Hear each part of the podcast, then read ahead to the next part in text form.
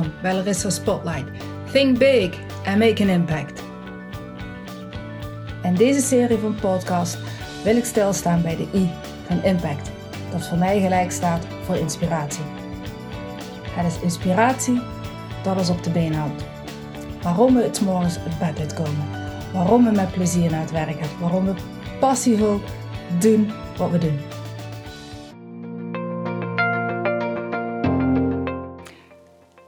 Dit keer gaat het over Bundy Bever, die een hele leuke tijd had met zijn vrienden, totdat ze hem vroegen om naar het donkere bos te gaan.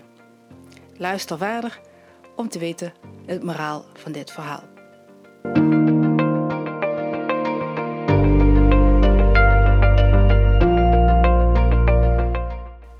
Daan Bever woonde in het Fluisterwilgebos.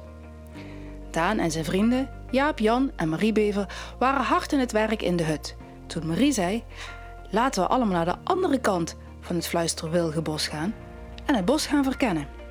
Ja, zeggen Jaap en Jan, laten we wat plezier maken. Laat die boomstam vallen en laten we gaan. Daan denkt even na. Hij was nog nooit aan die kant van de vijver geweest. Plus, hij had verhalen gehoord over coyotes en wolven die in dat deel van het bos zouden rondzwerven. Hij dacht bij zichzelf: Ik vind dat geen goed idee. Ook al klinkt het als een geweldig avontuur. Maar, dacht Daan, als ik niet met ze meega, gaan ze het me moeilijk maken. Hmm, weet je wat? Ik zwem gewoon met ze mee en kom ik niet uit het water als ze bij de oever zijn. De vier bevers spetterden speels met hun staarten in het water, terwijl ze naar de andere kant van de vijver zwommen. Toen Marie, Jaap en Jan bij de oever aankwamen, klauterden ze meteen uit het water op het dikke gras. Schiet op, Daan! riepen ze. Nee, dank je. Gaan jullie maar verder.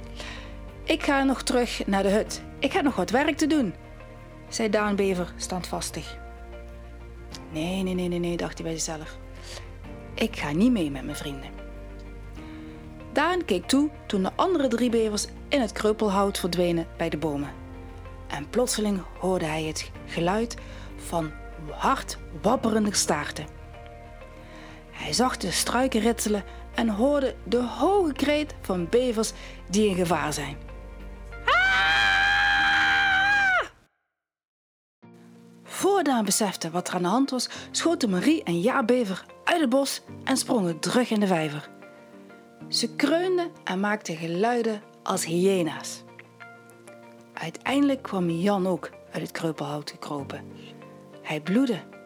Oh, die coyote had me bijna, hijgde hij.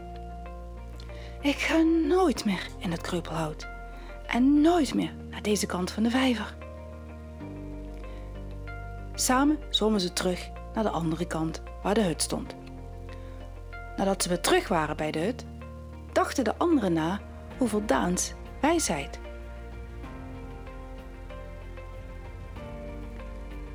Moraal van dit verhaal? Het is onwaarschijnlijk dat je in de problemen komt als je trouw blijft aan jezelf en niet de massa volgt. De les uit dit korte verhaal? Daan Bever hing graag rond met zijn vrienden en ook als Daan werkte aan het bouwen van beverburgten en dammen, was hij nog steeds in de aanwezigheid van zijn vrienden. Ze deelden veel avonturen en waren heel erg hecht. Marie, Jaap en Jan Bever stonden altijd voor hem klaar als hij ze nodig had. En ze hielden ervan om heel veel plezier te maken, zoals je gehoord hebt. En toen ze met z'n drieën op verkenning wilden gaan aan de andere kant van de vijver, dacht Daan heel goed na over het idee van zijn beste vrienden. En hij kwam eigenlijk vrij snel tot de conclusie dat dat niet zo'n goed idee was. En ook al voelde hij de groepsdruk, voelde hij dat zijn vrienden er niet blij zouden zijn als hij niet mee zou gaan, toch dacht hij voor zichzelf en nam hij een beslissing die voor hem het beste was. Mogelijk herken je die groepsdruk die Daan voelt. En misschien heb je zelf wel eens onder druk dingen gedaan waar je niet helemaal achter stond. Als jij de keuze maakt om voor jezelf te denken, zijn jouw overtuigingen erg krachtig. Je luistert naar je eigen verstand en je negeert de geluiden, de invloed van de massa om je heen die je wat anders vertellen. Uiteindelijk neem jij de beste beslissing voor jezelf. Dit was de Spotlight Sparkle, een verhaal om jou te inspireren. We gaan nu over naar de Spotlight Mindset. Ik hecht veel waarde aan de dingen waarin ik geloof. Zelfs als het impopulair is, kies ik voor het beschermen van mijn overtuigingen en ik hou ze hoog omdat ze me eerlijk houden. Elke dag ontmoet ik familie, vrienden, kennissen, collega's en ik ben me bewust van de verschillen in gedachten en daden en ik respecteer ze. Maar ik vermijd ze aan te nemen enkel om er een goed gevoel aan over te houden en geaccepteerd te zijn.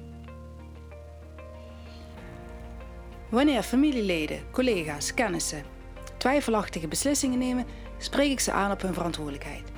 Ik herinner ze eraan dat het mijn verantwoordelijkheid is om openhartig te zijn, zelfs met mijn familie. Ik vermijd hun beslissingen als aanvaardbaar te zien wanneer ze niet in overeenstemming zijn met mijn overtuigingen. Ik laat mijn vrienden weten welke grenzen ik niet wil overschrijden. En ik ben blij dat ze mijn standpunt respecteren. Echte vriendschappen zijn in staat om spanningen te weerstaan die voortkomen uit meningsverschillen. Mijn echte vrienden waarderen me zelfs wanneer onze gedachten verschillen. Onze diversiteit helpt ons onze relatie interessant te houden. Soms zorgen mijn collega's ervoor dat nieuwe medewerkers zich niet op hun plek voelen. Ik voorkom met hen mee te doen door nieuwe mensen te helpen zich welkom te voelen. Vandaag ben ik blij dat ik waarden heb die me helpen verstandige beslissingen te nemen. En ik weet dat trouw zijn aan mezelf zich altijd loont. Na de Spotlight Mindset is het nu de beurt aan jou. Dit is Spotlight Food for Thought. Als jij met je vrienden, collega's, familie bent, wat doe je dan als een activiteit voorstellen die je liever niet doet? Ik heb nog een vraag voor je. Wat vertel jij jezelf over wat je zou moeten doen in die situaties? Mijn volgende vraag. Hoe spreek jij je collega's, familie, vrienden aan als je ze moet wijzen op hun onvriendelijke en onnodige acties? En welke van jouw waarden kan je overbrengen op jouw collega's, familie en vrienden? En hoe reageer jij wanneer jouw beslissing wordt geconfronteerd met ongunstige feedback van anderen? En mijn allerlaatste vraag voor jou. Hoe voelt het om voor jezelf te denken?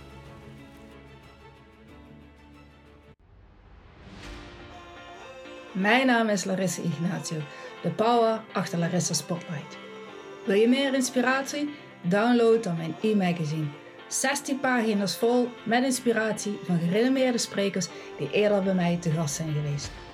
Ook heb ik een mini e-zijn voor je gemaakt met tips hoe jij als spreker je netwerk kan inzetten om meer opdrachten binnen te halen.